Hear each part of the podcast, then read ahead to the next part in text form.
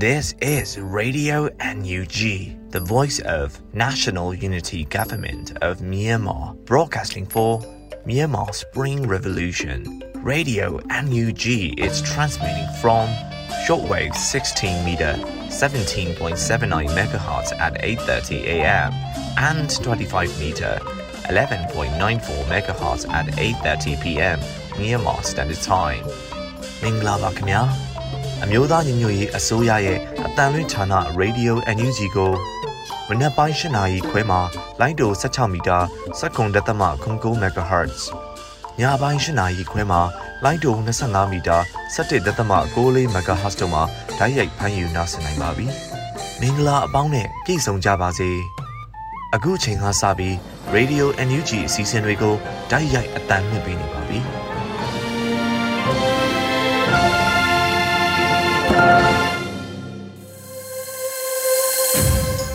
မြန်မာနိုင်ငံသူနိုင်ငံသားအပေါင်းတဘာဝပြီးစစ်အာဏာရှင်ဘေးတို့ကနေကင်းဝေးပြီးကိုစိတ်နှဖျားစမ်းမလုံခြုံကြပါစေလို့ Radio NUG ဖွဲ့သားများကဆုတောင်းမေတ္တာပို့သလာရပါတယ်ရှင်။အခုချိန်ကစပြီးကာကွယ်ဝင်ကြီးဌာနရဲ့စစ်ရေးတရေအချင်းချုပ်ကိုမျိုးဦးမောင်မှတင်ဆက်ပေးမှာဖြစ်ပါတယ်ရှင်။ယခုတင်ဆက်ပေးမှာကတော့ကာကွယ်ဝင်ကြီးဌာနအမျိုးသားညီညွတ်ရေးအစိုးရမှထုတ်ဝေသောနိုင်စင်စီရေးတရင်အချင်းချုပ်ပဲဖြစ်ပါတယ်။ စစ်ကောင်စီနဲ့တိုက်ပွဲဖြစ်ပွားမှုသတင်းများကိုတင်ဆက်ပေးပါမယ်။ကချင်ပြည်နယ်တွင်2022မတ်လ24ရက်နေ့ကချင်ပြည်နယ်တနိုင်းမြို့နယ်ကောင်းရကျေးရွာအနီးတွင်စစ်ကောင်စီစစ်ကြောင်းနဲ့ကချင်လွတ်လပ်ရေးတပ်မတော် KIA တို့ထိတွေ့တိုက်ပွဲဖြစ်ပွားခဲ့ပြီးနှစ်ဖက်ထိခိုက်ကြဆုံးမသိရသေးကြောင်းသတင်းရရှိပါသည်။ကရင်နီကယားပြည်နယ်တွင်2022ခုနှစ်မတ်လ19ရက်နေ့ကရင်နီကယားပြည်နယ်လွိုက်ကော်မြို့နယ်ကယန်းတာယာလန်ခွဲအနီးရှိစစ်စေးရေးဂိတ်အနီးတစ်ဝိုက်တွင် အကြမ်းဖက်စစ်ကောင်စီတပ်နဲ့ KND တပ်မတော် KA KNDF တို့နှစ်ဖက်ထိတွေ့တိုက်ပွဲနှစ်ကြိမ်ဖြစ်ပွားခဲ့ပြီးစစ်ကောင်စီဘက်မှ2ဦးသေဆုံးခဲ့ကြောင်းသတင်းရရှိပါတယ်။2020မတ်လ22ရက်နေ့ KND ကယားပြည်နယ်လွိုက်ကော်မြို့နယ်လွယ်တမှုကျေးရွာအနီးအဝေးပြေးလမ်းမှာတွင်အကြမ်းဖက်စစ်ကောင်စီတပ်များနဲ့ KND တပ်မတော် KA KNDF တို့ထိတွေ့တိုက်ပွဲဖြစ်ပွားခဲ့ကြောင်းသတင်းရရှိပါတယ်ခင်ဗျာ။ 2022ခုနှစ်မတ်လ22ရက်နေ့ကရင်ဒီကရပြည်နယ်တမော့စုံမြို့နယ်နမ်းမယ်ခုံမြို့အနီးနန်းဆန်ခန်းချေးရွာတွင်စစ်ကောင်စီတပ်များကို KNDF မှတနာရီကြာတိုက်ခိုက်ခဲ့ပြီးစစ်ကောင်စီဘက်မှထိခိုက်အခြားဆုံးများခဲ့ကြောင်းသတင်းရရှိပါသည်။ဆက်လက်ပြီးချင်းပြည်နယ်တွင် 2022ခုနှစ်မတ်လ23ရက်နေ့ချင်းပြည်နယ်တီးတိမ်မြို့နယ်အိန္ဒိယနယ်စပ်အနီးတွင် CNA တပ်ဆွဲထားသောနေရာကိုဇက်အာရီအဖွဲ့မှအင်အား20ခန့်ဖြင့်အလစ်ဝင်ရောက်တိုက်ခိုက်ခဲ့ရာ CNA မှရဲဘော်တအူကြာဆုံးသွားခဲ့ကြောင်းသတင်းရရှိပါသည်။ဆက်လက်ပြီးစကိုင်းတိုင်းတွင် 2022ခုနှစ်မတ်လ23ရက်နေ့စကိုင်းတိုင်းရေဦးမြို့နယ်ဆယ်ကြီးကျေးရွာသို့လာရောက်ခဲ့သောစစ်ကောင်စီကားနှစ်စီးကိုဒေသခံကာကွယ်ရေးအဖွဲ့မှမိုင်းဆွဲတိုက်ခိုက်ခဲ့ကြောင်းပလဲမြို့နယ်အင်ကုန်းကျေးရွာသို့လာရောက်ခဲ့သောစစ်ကောင်စီကားတစ်စီးကိုဒေသခံကာကွယ်ရေးအဖွဲ့မှမိုင်းဆွဲတိုက်ခိုက်ခဲ့ခြင်းကတာမြို့နယ်ချောင်းမကျေးရွာအနီးတွင်စစ်ကောင်စီတပ်သားများကိုကတာမြို့နယ်ပါခဖအဖွဲ့မှမိုင်းဆွဲတိုက်ခိုက်ခဲ့ရာစစ်ကောင်စီတပ်သား2ဦးသေဆုံးခဲ့ကြောင်းသတင်းရရှိပါသည် 2022ခုနှစ်မတ်လ24ရက်နေ့စကိုင်းတိုင်းကတာမြို့နယ်မြင်းနုကျေးရွာနီးတွင်စစ်ကောင်စီတပ်သား65ဦးခန့်အားဒေသခံကာကွယ်ရေးအဖွဲ့မှမိုင်းနှကြိမ်မိုင်းဆွဲတိုက်ခိုက်ခဲ့ရာစစ်ကောင်စီတပ်သား2ဦးသေဆုံးခဲ့ပြီး9ဦးဒဏ်ရာရရှိသွားခဲ့ကြောင်းသတင်းရရှိပါသည်။ဆက်လက်ပြီးစစ်ကောင်စီကျူးလွန်သောရာဇဝတ်မှုများကိုတင်ဆက်ပေးပါမယ်။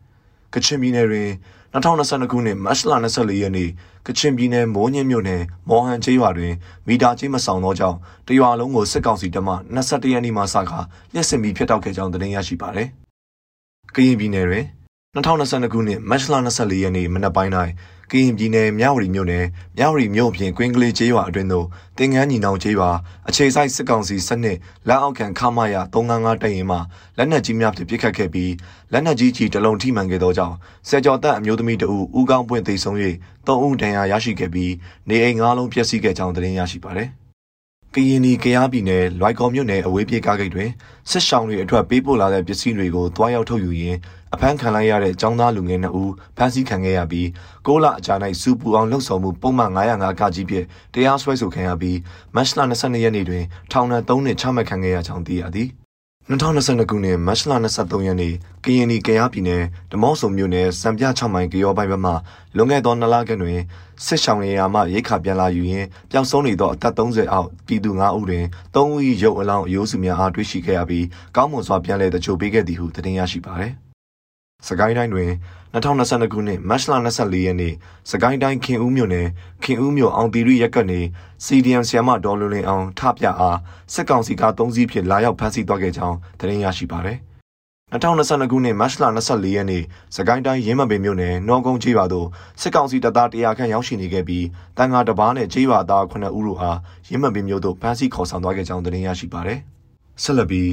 မကွေးတိုင်းတွင်2022ခုနှစ်မတ်လ24ရက်နေ့မကွေးတိုင်းကံကောမြို့နယ်မွေလေရွာ၌စစ်ကောင်စီတပ်သားနှင့်ပြူစောတိအင်အား100နီးပါးကနေအိမ်များကိုမီးရှို့ဖျက်ဆီးနေကြောင်းသတင်းရရှိပါသည်။2022မတ်လ24ရက်နေ့မကွေးတိုင်းမင်းဘူးမြို့နယ်စကုမြို့အမှတ်1ရပ်ကွက်ကျောင်းရွာရက်ရှိရခင်ကုံသွဲလေယာဝနံပါတ်1ကိုပိုင်ကျောင်းမျက်နှာချင်းဆိုင်အတွင်းနေအိမ်များကိုစစ်ကောင်စီလက်အောက်ခံရဲအင်အားအများအပြားဖြင့်လာရောက်ရှင်းလင်းဖျက်ဆီးခဲ့ကြောင်းသတင်းရရှိပါသည်။ ရန်ကုန်တိုင်းတွင်2022မတ်လ23ရက်နေ့မနက်ပိုင်း၌ရန်ကုန်တိုင်းစမ်းချောင်းမြို့နယ်မြင်းမုံလန်အမှတ်9ရန်ကုန်ခေတ်သစ်အက်ဒီတာဟောင်းမက်ခင်နှင်းကြီးနေအိမ်နဲ့မင်းတရိတ်ဆန်စေကူကန်းကိုစစ်ကောင်စီမှဝရမ်းစာကပ်ပြီးချက်ပိတ်သွားခဲ့ကြောင်းသတင်းရရှိပါတယ်ခင်ဗျာမှတ်ချက်မြေပြင်သတင်းတာဝန်ခံများနဲ့သတင်းဌာနများမှဖော်ပြလာသောအချက်အလက်များအပေါ်အခြေခံပြုစုထားပါတယ်ကျွန်တော်ကတော့ຫນွေဦးမောင်ပါခင်ဗျာ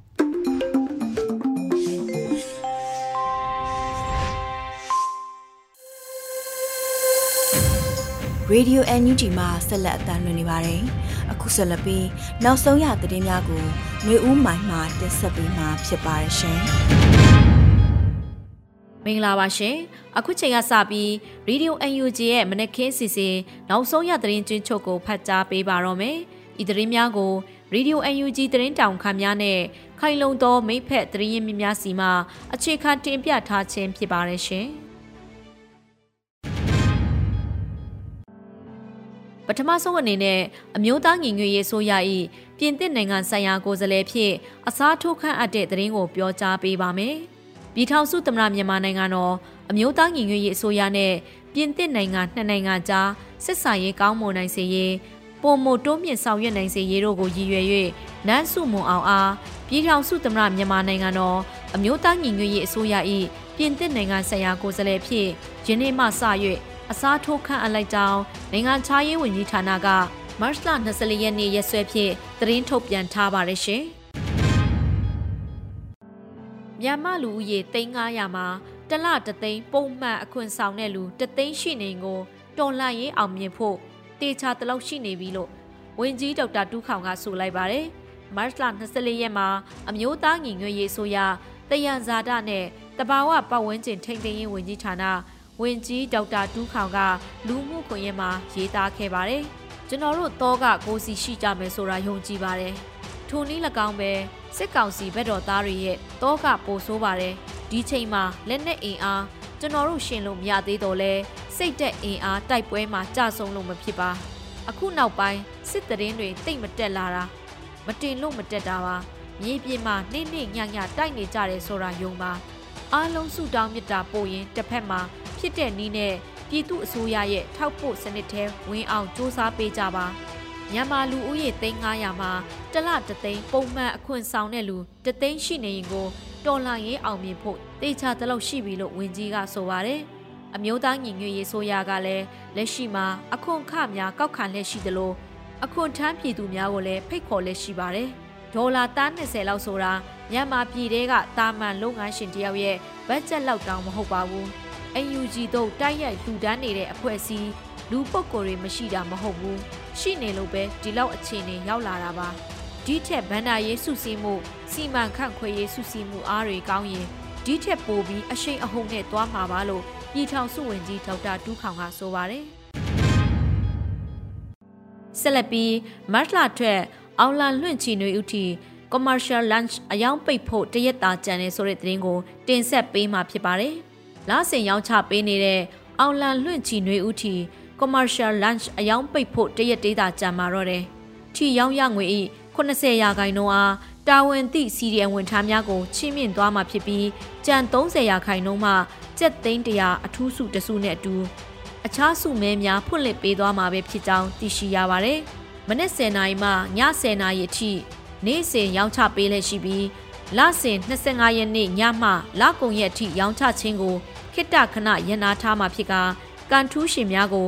လစဉ်လကုန်ရက်တွင်ရွေးချယ်ပေးသွားမှာဖြစ်ပါတယ်။ဒီမတ်လအတွက်မတ်လ31ရက်နေ့မှာခြိဖွင့်ပေးမှာဖြစ်ပါတယ်။နှွေဦးထီကိုအားပေးကြတဲ့မိဘပြည်သူများ၏လုံခြုံရေးကိုအထူးအလေးထားပြီးလုံခြုံရေးအစဉ်ပြေစေနိုင်ရအတွက်နှွေဦးထီမိသားစုမှအစဉ်တစိုက်ကြိုးပမ်းဆောင်ရွက်ပေးလက်ရှိပါတယ်။ တော်လှန်ရေးထီဖြစ်သည့်အလျောက်အာနာရှင်ကိုစန့်ကျင်ရတွင်ဘယ်သောအခါမျှသွေးအေးသွားမှာမဟုတ်ကြောင်းကိုအကြမ်းမဖက်ပြသနိုင်မဲ့လမ်းကြောင်းတည်းလည်းဖြစ်တာမို့နှွေဦးထီကိုအားပေးရင်တော်လှန်ရေးမှာပူးပေါင်းပါဝင်အားဖြည့်ပေးကြဖို့အလေးအနက်တိုက်တွန်းကြောင်းအောင်လန်လွင့်ကြည်နှွေဦးထီရဲ့စာမျက်နှာမှာရေးသားထားပါတယ်ရှင်။ဆက်လက်ပြီးကရားပြည်နယ်ဘက်ကစစ်ဆောင်ပြည်သူများရဲ့ကြားမာရေးအခြေအနေတွေကိုတင်ပြပေးပါမယ်။ ရှမ်းပြည်နယ်နဲ့ကရားပြည်နယ်ဆက်ဒီမော့ဆိုမြို့နယ်နဲ့အနီးနားဒေသတွေကစစ်ဆောင်ပြည်သူအများပြားနာမကျန်းဖြစ်နေကြတာကြောင့်တောက်သုံးရည်နဲ့ဆေးဝါးတွေအဓိကလိုအပ်နေတယ်လို့ပြည်သူ့ကာကွယ်တပ်ဒီမော့ဆိုတာဝန်ရှိသူတို့ကပြောပါတယ်။ဖျားနာသူတွေထဲမှာလူကြီးလူငယ်နဲ့ကလေးငယ်တွေပါဝင်တယ်လို့ဆိုပါတယ်။ဒီမော့ဆိုတဝိုက်နေရအနှံ့နီးပါးတိုက်ပွဲတွေကြောင့်စစ်ဆောင်ပြည်သူတွေအနေနဲ့စခန်းနေရအမြဲပြောင်းနေရတဲ့အပြင် ရာသီအကူးပြောင်းကြောင့်အမိုးအကာတွေလည်းအများပြားလိုအပ်နေတယ်လို့သူကဆက်ပြောပါတယ်။ဖေဖော်ဝါရီလ16ရက်နေ့ကစတင်ကရှမ်းပြည်နယ်တောင်ပိုင်းမိုးပြင်းမြို့ကနေဒီမော့ဆိုမြို့နယ်အထိအကြမ်းဖက်စစ်အုပ်စုကလက်နက်ကြီးတွေလေကြောင်းတိုက်ခိုက်မှုတွေနဲ့ထိုးစစ်ဆင်ခဲ့ပြီးစစ်ရှောင်ပြည်သူတိန်းကျော်ရှိနေပြီလို့သိရပါဗျ။ထို့ပြင် COVID-19 မျိုးကွဲ Omicron နဲ့ယောဂလက္ခဏာဆင်တူတဲ့အဖျားယောဂါတွေ ဖရိုဇူမြို့နယ်ကစစ်ပေးရှောင်တွေမှာအဖြစ်များနေပြီးစေဝါကိရိယာတွေအလုံးလောက်မရှိတာကြောင့်စစ်ဆေးမှုမလုပ်နိုင်ဘူးလို့ဖရိုဇိုဘက်မှာစေဝါကူတာမှုပေးနေတဲ့ပရဟိတဆေးဆရာမတူကပြောပါတယ်စစ်မနေတော့ဘူးလေဘာဖြစ်လို့လဲဆိုတော့ဥပမာတအိမ်တယောက်ဆိုရင်အကုန်လုံးဖြစ်ကြတယ်ဖြစ်တဲ့လက္ခဏာကအကုန်လုံးစင်တူတယ်ကျမကိုယ်တိုင်ကလည်းဖြစ်တယ်လို့ပရဟိတဆေးဆရာမတူကပြောပါတယ် မိသားစုလိုက်ဖျားနာမှုတွေရှိနေပြီးလေချောင်းနာအဖျားတက်ကြိုက်ခဲချောင်းဆိုးစတဲ့ယောဂလက္ခဏာတွေကိုခံစားနေကြရတယ်လို့သူကဆက်ပြောပါတယ်လက်ရှိမှာတော့ယောဂလက္ခဏာအလျောက်ဆေးဝါးတွေပေးပြီးကုသပေးနေပေမဲ့ဆေးဝါးတွေမလုံလောက်ဘူးလို့ပရဟိတဆေးဆရာမကပြောပါတယ်။ကြိုက်ခဲဆေးကိုကြိုက်ခဲဆေးလျောက်ကျမတို့ပေးတယ်။ချောင်းဆိုးတယ်။အကယ်၍ချောင်းတအားဆိုးနေပြီဆိုရင်ကျမတို့ပရိဇီဝဆေးတွေအဲ့လိုပေးတယ်ပေါ့နော်။ အဲ့လိုပဲကျမတို့ကုသပေးနေတယ်။ပြီးတော့လုံးလုံးဆယ်ဆေးရုံဆေးခန်းတွေမှာလည်းကျမတို့လည်းစေတနာဝန်ထမ်းတွေပါပဲ။ကျမတို့လုံးလုံးဆယ်တော့ဆေးတော့တအားခက်ခဲတာပေါ့။ချွေတာပြီးတော့ချင့်ချိန်ပြီးတော့ပေးတယ်။ဥပမာမိသားစုများတဲ့လူတွေဆိုရင်တယောက်ကိုနှလုံးလားသုံးလုံးလားအဲ့လောက်ပဲတောက်နိုင်အောင်ကျမတို့စီစဉ်ပေးနေရတယ်လို့ပရဟိတဆေးဆရာမတို့ကပြောပါတယ်ဖရိုဆိုမြို့နယ်အနောက်ဘက်ခြမ်းစစ်ဆောင်တွေနေထိုင်တဲ့နေရာတွေကို လမ်းပန်းဆက်သွယ်ရေးအခက်အခဲကြောင့်ပြင်စစ်ရေးအခြေအနေတွေကြောင့်အလှရှင်တွေမရောက်ရှိနိုင်တာ9လဝန်းကျင်ရှိနေပါပြီအဲ့ဒီဒေသမှာ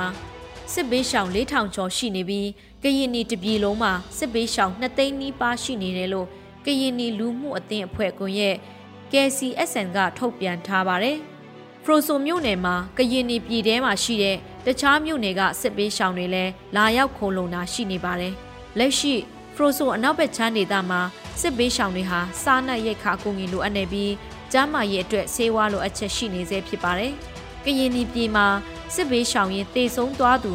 16ဦးရှိနေတယ်လို့2022ခုနှစ်မတ်လ2ရက်နေ့မှာတိုးတက်သောကရင်နီပြည်သူ့အင်အားစု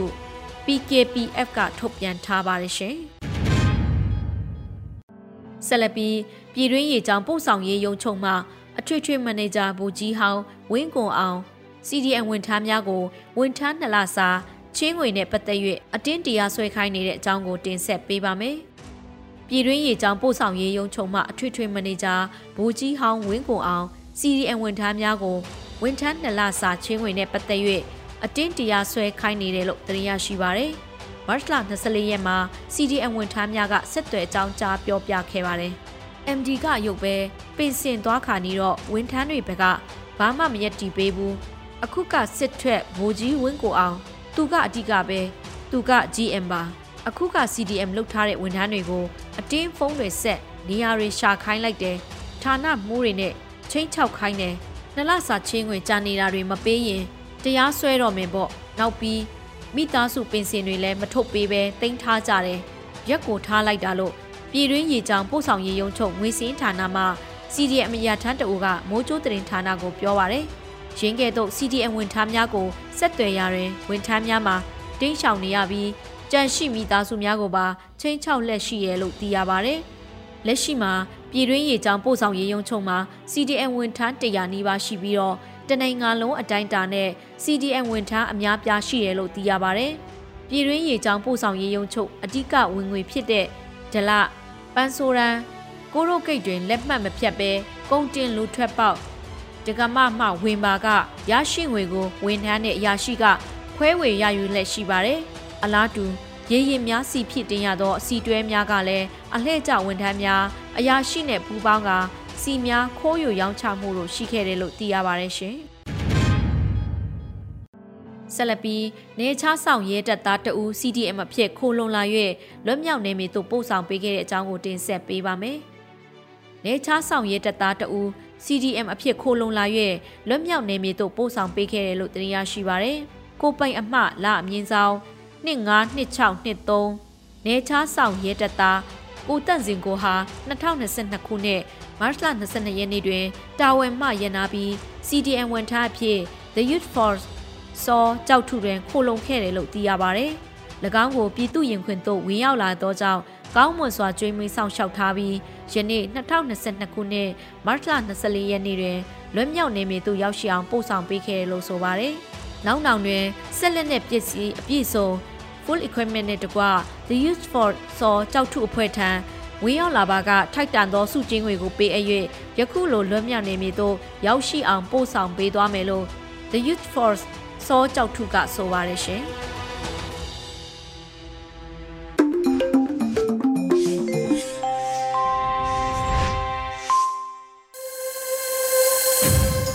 ရေဒီယို NUG မှဆက်လက်အသံလွှင့်နေပါတယ်။အခုဆက်လက်ပြီးနေ့စဉ်သတင်းများကိုမျိုးတော်တာမှတင်ဆက်ပေးမှာဖြစ်ပါတယ်ရှင်။ပထမဆုံးတင်ဆက်ပေးမှာကတော့အမျိုးသားညို့ရေးအစိုးရပြည်ထောင်စုဝန်ကြီးတွေနဲ့ဩစတြေးလျလွှတ်တော်ကိုယ်စားလှယ်တွေတွေ့ဆုံဆွေးနွေးမှုတွေပြုလုပ်တဲ့ဆိုတဲ့သတင်းမှာ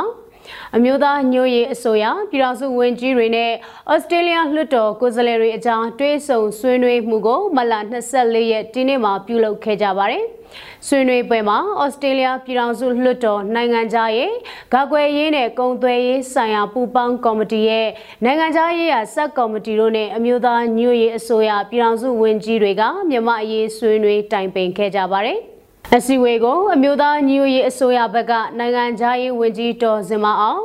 လူသားချင်းစာနာထောက်ထားရေးနဲ့ပြည်အပ်တဲ့ဆိုင်ရာစီမံခန့်ခွဲရေးဝန်ကြီးပါမောက္ခဒေါက်တာဝင်းမြတ်အေလူအခွင့်ရေးဆိုင်ရာဝန်ကြီးဦးအောင်မျိုးမင်းနဲ့အတူဩစတြေးလျနိုင်ငံဆိုင်ရာကိုယ်စားလှယ်ဒေါက်တာထွန်းအောင်ရွှေတို့တက်ရောက်ခဲ့ကြတာပါ။ ဩစတြေးလျလွှတ်တော်ဘက်ကလည်းနိုင်ငံခြားရေးရာစက်ကော်မတီဥက္ကဋ္ဌမက်စတာဒစ်ရှမာဒုတိယဥက္ကဋ္ဌမက်စတာဂျူလီယန်ဟေး MP တို့နဲ့အတူအထက်လွှတ်တော်အမတ်တိုနီရှေဒန်မက်စတာပီတာကလီယာနဲ့အခြားကော်မတီဝင်လွှတ်တော်အမတ်များတက်ရောက်ခဲ့ကြပါတယ်အစည်းအဝေးတက်ရောက်လာသူတွေကရင်းနှီးပွင့်လင်းစွာဆွေးနွေးခဲ့ကြပြီးအထူးအကျိုးရှိတဲ့အစည်းအဝေးတစ်ခုဖြစ်ခဲ့တဲ့ဆိုပြီးတော့လည်းသတင်းထုတ်ပြန်ချက်မှာဖော်ပြထားတာတွေ့ရပါတယ် ဆက်လက်တင်ဆက်ပေးမှာကတော့စီးပွားရေးနဲ့ကုသရေးဝယ်ရေးဝန်ကြီးဌာနက Private Sector Development in Fragile Context Council နဲ့အလုပ်ရုံဆွေးနွေးပွဲပြုလုပ်ခဲ့တဲ့ဆိုတဲ့သတင်းမှာအမျိုးသားညို့ရေးအစိုးရစီးပွားရေးနဲ့ကုသရေးဝယ်ရေးဝန်ကြီးဌာနကနေပြီးတော့ Private Sector Development in Fragile Context Council နဲ့အလုပ်ရုံဆွေးနွေးပွဲကိုမလ23ရက်မနေ့ကညနေ6နာရီကနေ9နာရီအထိပြုလုပ်ခဲ့ကြပါတယ်။ ဝန်ကြီးဌာနအနေနဲ့အနာဂတ်ဖက်ဒရယ်ဒီမိုကရက်တစ်ပြည်ထောင်စုမှာစီးပွားရေးဗတ်စုံဖွံ့ဖြိုးတိုးတက်ရေးနဲ့လူမျိုးပေါင်းစုံလူထုလူရန်စားအသီးသီးတို့ရဲ့စီးပွားရေးအခွင့်အလမ်းတွေဓာတူညီမျှခန်းစားခွင့်ရရှိစေရေးဆောင်ရွက်ရန်ဆိုတဲ့မျှော်မှန်းချက်တွေကိုအကောင့်ထဲပေါ်ဆောင်ရွက်နေတယ်လို့ဆိုထားပါတယ်။ နိုင်ငံတကာသုတေသနအဖွဲ့အစည်းတွေနဲ့မူဝါဒရေးရာဆွေးနွေးပွဲတွေကိုလည်းပူးပေါင်းကျင်းပလျက်ရှိရာစီးပွားရေးနဲ့ကုသရေးဝယ်ရေးဝန်ကြီးဌာနနဲ့ကမ္ဘာလုံးဆိုင်ရာသုတေသနအဖွဲ့အစည်းတစ်ခုဖြစ်တဲ့ The International Growth Center IGC တို့ပူးပေါင်းပြီးအဆိုပါအလုပ်ယုံဆွေးနွေးပွဲကိုပြုလုပ်ခဲ့တာဖြစ်တယ်လို့လည်းသတင်းထုတ်ပြန်ချက်မှာဖော်ပြထားတာတွေ့ရပါတယ် ဆက်လက်တင်ဆက်ပေးမှာကတော့အကြမ်းဖက်စစ်ကောင်စီအာဏာသိမ်းပြီးတဲ့နောက်ဖမ်းဆီးခံနိုင်ငံရေးအကျဉ်းသားတွေကိုနှိပ်စက်ခဲ့တာတွေအပေါ်မှာ AAPP ကအစီရင်ခံစာထုတ်ပြန်လိုက်တဲ့ဆိုတဲ့သတင်းမှာအကြမ်းဖက်စစ်ကောင်စီကအာဏာသိမ်းပြီးတဲ့နောက်နိုင်ငံရေးသမားတွေကိုဖမ်းဆီးစစ်ကြောရေးမှာဖမ်းဆီးနှိပ်စက်မှုတွေပါဝင်အကျဉ်းထောင်အတွင်းမှာပဲဖိနှိပ်မှုတွေပြုလုပ်နေတဲ့အပေါ်မှာနိုင်ငံရေးအကျဉ်းသားများကူညီစောင့်ရှောက်ရေးအသင်း AAPP ကအစီရင်ခံစာတစ်စောင်ထုတ်ပြန်ခဲ့ပါတယ်။ မတရားအာဏာလူချိန်မှအစပြု၍ရင်ဆိုင်နေရတဲ့နိုင်ငံရေးအကျဉ်းသားများ၏စစ်ကြောရေးတရားစီရင်ရေးနဲ့အကျဉ်းဆန်အတွေ့အကြုံများလို့အမည်ပေးထားတဲ့အစီရင်ခံစာမှာစာမျက်နှာ23မျက်နှာပါဝင်တာတွေ့ရပါတယ်။ စာအုပ်ထဲမှာညှဉ်းပန်းနှိပ်စက်မှုများလူမဆန်သောပြုမှုဆက်ဆံမှုနဲ့ပုံမှန်မဟုတ်သောပြစ်ဒဏ်ပေးမှုများရုပ်ပိုင်းဆိုင်ရာညှဉ်းပန်းနှိပ်စက်မှုစိတ်ပိုင်းဆိုင်ရာညှဉ်းပန်းနှိပ်စက်မှုလိင်ပိုင်းဆိုင်ရာအကြမ်းဖက်မှုတွေအစရှိသလိုအချက်လက်ပေါင်းများစွာကိုဖော်ပြထားတာတွေ့ရပါတယ်။ AAPP ရဲ့ထုတ်ပြန်ချက်မှာတော့စစ်အုပ်စုရဲ့မတရားအာဏာလုယူမှုနောက်ပိုင်းမြန်မာနိုင်ငံစစ်ကြောရေးစခန်းတွေရဲ့အကျဉ်းထောင်တွေရဲ့အခြေအနေကရခိုင်ကထက်အစပေါင်းများစွာပုံမဆိုးရွားလာခဲ့တာကိုစောင့်ကြည့်လေ့လာမှုများအရတွေ့ရတယ်လို့ဆိုပါတယ်။အထူးသဖြင့်နိုင်ငံရေးအကျဉ်းသားတွေရဲ့ထောင်တွင်းရင်ဆိုင်ကြုံတွေ့နေရတဲ့အခြေအနေတွေမှာလူတယောက်ရဲ့အခွင့်အရေးမှန်သမျှအဟောတိကံဖြစ်ကြရတယ်လို့မှတ်ချက်ပြုထားတာတွေ့ရပါတယ်။ ယခုအစီရင်ခံစာထဲမှာတော့စေအုပ်စုရဲ့နိုင်ငံတော်အာဏာကိုမတရားအာဏာလုယူချိန်မှအစပြုပြီးရင်ဆိုင်နေရတဲ့နိုင်ငံရေးအကျဉ်းသားတွေရဲ့စစ်ကြောရေးတရားစီရင်ရေးနဲ့အကျဉ်းဆန်အတွေ့အကြုံများကိုဖော်ပြထားပါတယ်။ နိုင်ငံရေးအကျဉ်းသားများကူညီစောင့်ရှောက်ရေးအသင်းကကောက်ယူထားတဲ့မှတ်တမ်းတွေအကျဉ်းချခံရဆဲနိုင်ငံရေးအကျဉ်းသားတွေရဲ့မိသားစုဝင်တွေနဲ့တွဲဆုံမေးမြန်းမှုတွေပြန်လည်လွတ်မြောက်လာသူတွေနဲ့တွဲဆုံမေးမြန်းမှုတွေပေါ်အခြေခံပြီးတက်သိခံအထောက်အထားနဲ့တကွတင်ပြထားတာလို့ဆိုပါတယ်။မြန်မာနိုင်ငံမှာစစ်အာဏာရှင်စနစ်သက်ဆိုးရှင်နေသေးသူ၍ပြည်သူတွေရဲ့အနာဂတ်ပြောင်းနေအောင်မှာဖြစ်တယ်လို့လည်းဖော်ပြထားပါတယ်။အစီရင်ခံစာကိုဖတ်ရှုလို့သူတွေအနေနဲ့ AAPP ရဲ့ Facebook page မှာဝင်ရောက် download ဆွဲပြီးဖတ်ရှုနိုင်ပါတယ်။ဒီနေ့မတ်လ23ရက်ကနိုင်ငံရေးအကျဉ်းသားများကူညီစောင့်ရှောက်ရေးအသင်း AAPP ကစတင်ဖွဲ့စည်းခဲ့တာ22နှစ်ပြည့်မြောက်ခဲ့တယ်လို့ဆိုထားပါတယ်။စတင်ထူထောင်ချိန်မှစပြီး22နှစ်တာကာလအတွင်း AAPP အနေနဲ့နိုင်ငံရေးအကျဉ်းသားအရေးလူအခွင့်အရေးလူအခွင့်အရေးချိုးဖောက်မှုတွေနဲ့ပတ်သက်ပြီးအစဉ်တစိုက်လေ့လာစောင့်ကြည့်မှတ်တမ်းတင်မှုတွေထုတ်ပြန်မှုတွေကိုပြုလုပ်ခဲ့တယ်လို့ဖော်ပြထားတာတွေ့ရပါတယ်။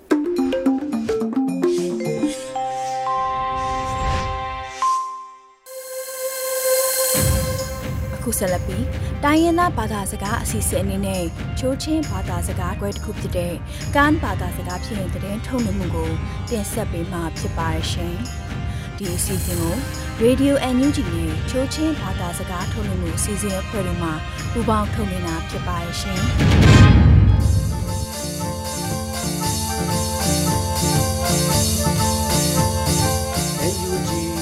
กันเรดิโอนำงายาปงไอน้อยไปเกยนาวนำวันนำไรบอยอตีละนำกกันตุกอือเกยค่าทุทางกันแทนอวยกุยเคสาละกะกระกือมัชฮึบทองฮึบตุมฮึบปะรกทุวันยองอิเ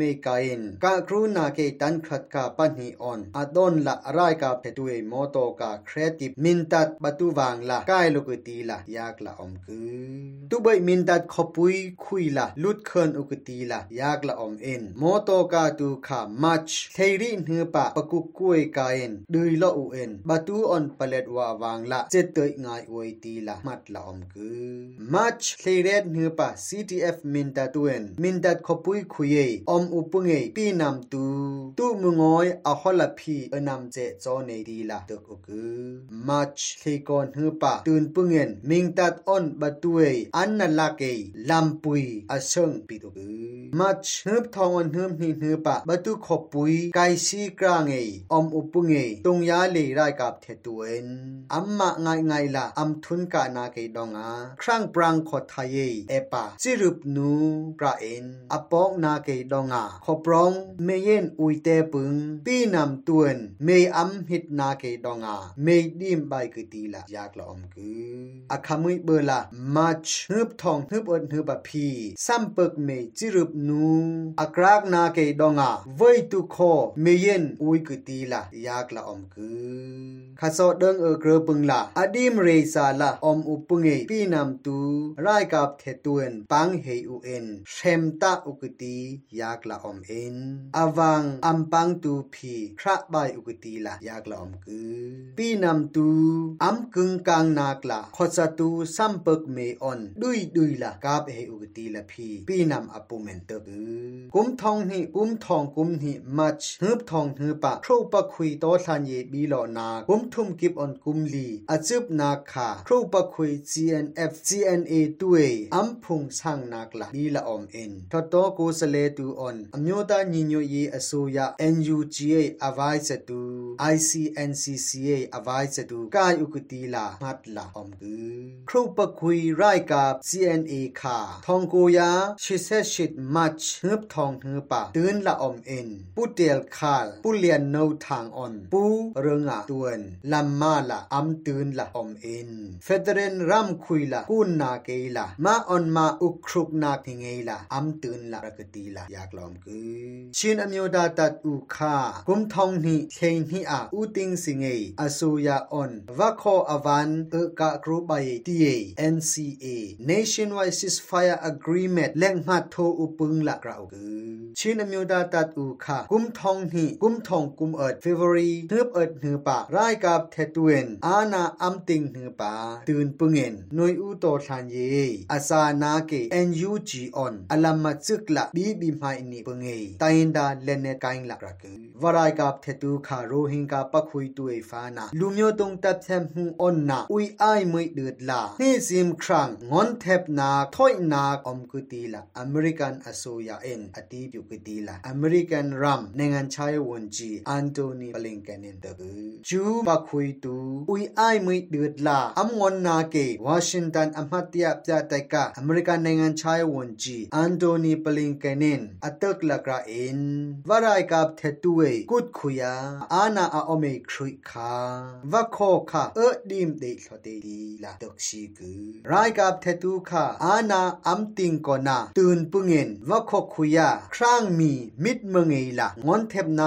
ยนาจูลอนอุกุตีกัมฮุกุตีลาอันโตนีบลิงแกนินเตกือตุเบยเดิงตาวารายกับเทตุเอดุงเฮมนาเอยุมปึงเปิงเปิงตุงนาอุเอ็นอัมเชมตาคาดังรอยรอ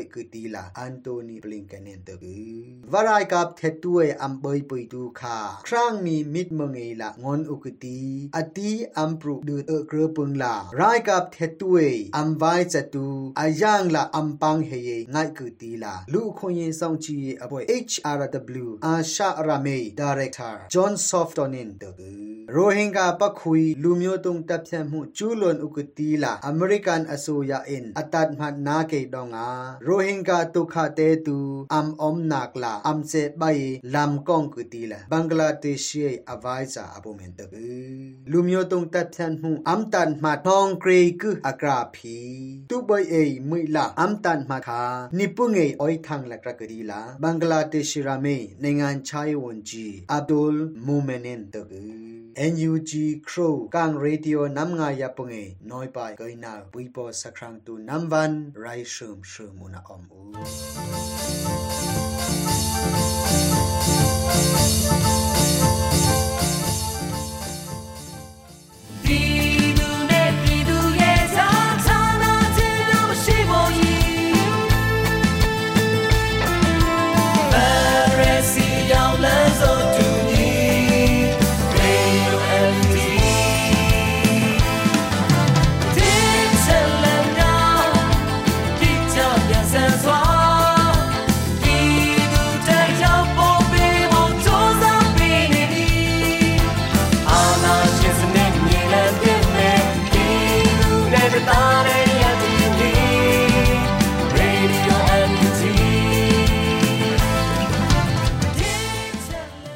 ကနေ့ကတော့ဒီညနေပဲ Radio NUG ရဲ့အစည်းအဝေးတွေကိုခਿੱတရနာလိုက်ပါမယ်မြန်မာစံတော်ချိန်မနက်၈နာရီခွဲနဲ့ည၈နာရီခွဲအချိန်တွေမှာပြန်လည်ဆုံးဖြတ်ကြပါစို့ Radio NUG ကိုမနက်ပိုင်း၈နာရီခွဲမှာလိုင်းဒို16မီတာစက္ကန့်တသမ9 MHz ညပိုင်း၈နာရီခွဲမှာလိုင်းဒို25မီတာ17တသမ6 MHz တို့မှာဓာတ်ရိုက်ဖမ်းယူနားဆင်နိုင်ပါပြီမြန်မာနိုင်ငံသူနိုင်ငံသားများကိုယ်စိတ်နှပြကျန်းမာချမ်းသာလို့ ဘေးကင်းလုံခြုံကြပါစေလို့ Radio NUG အဖွဲ့သူအဖွဲ့သားများကဆုတောင်းလိုက်ရပါတယ်။အမျိုးသားညီညွတ်ရေးအစိုးရရဲ့စက်သွေးရေးတရင်အချက်အလက်နဲ့ဤပညာဝန်ကြီးဌာနကထုတ်လွှင့်နေတဲ့ Radio NUG ဖြစ်ပါတယ်။ San Francisco Bay Area အခြေစိုက်မြန်မာမိသားစုများနဲ့နိုင်ငံတကာကစေတနာရှင်များလုပ်အားပေးများရဲ့ Radio NUG ဖြစ်ပါတယ်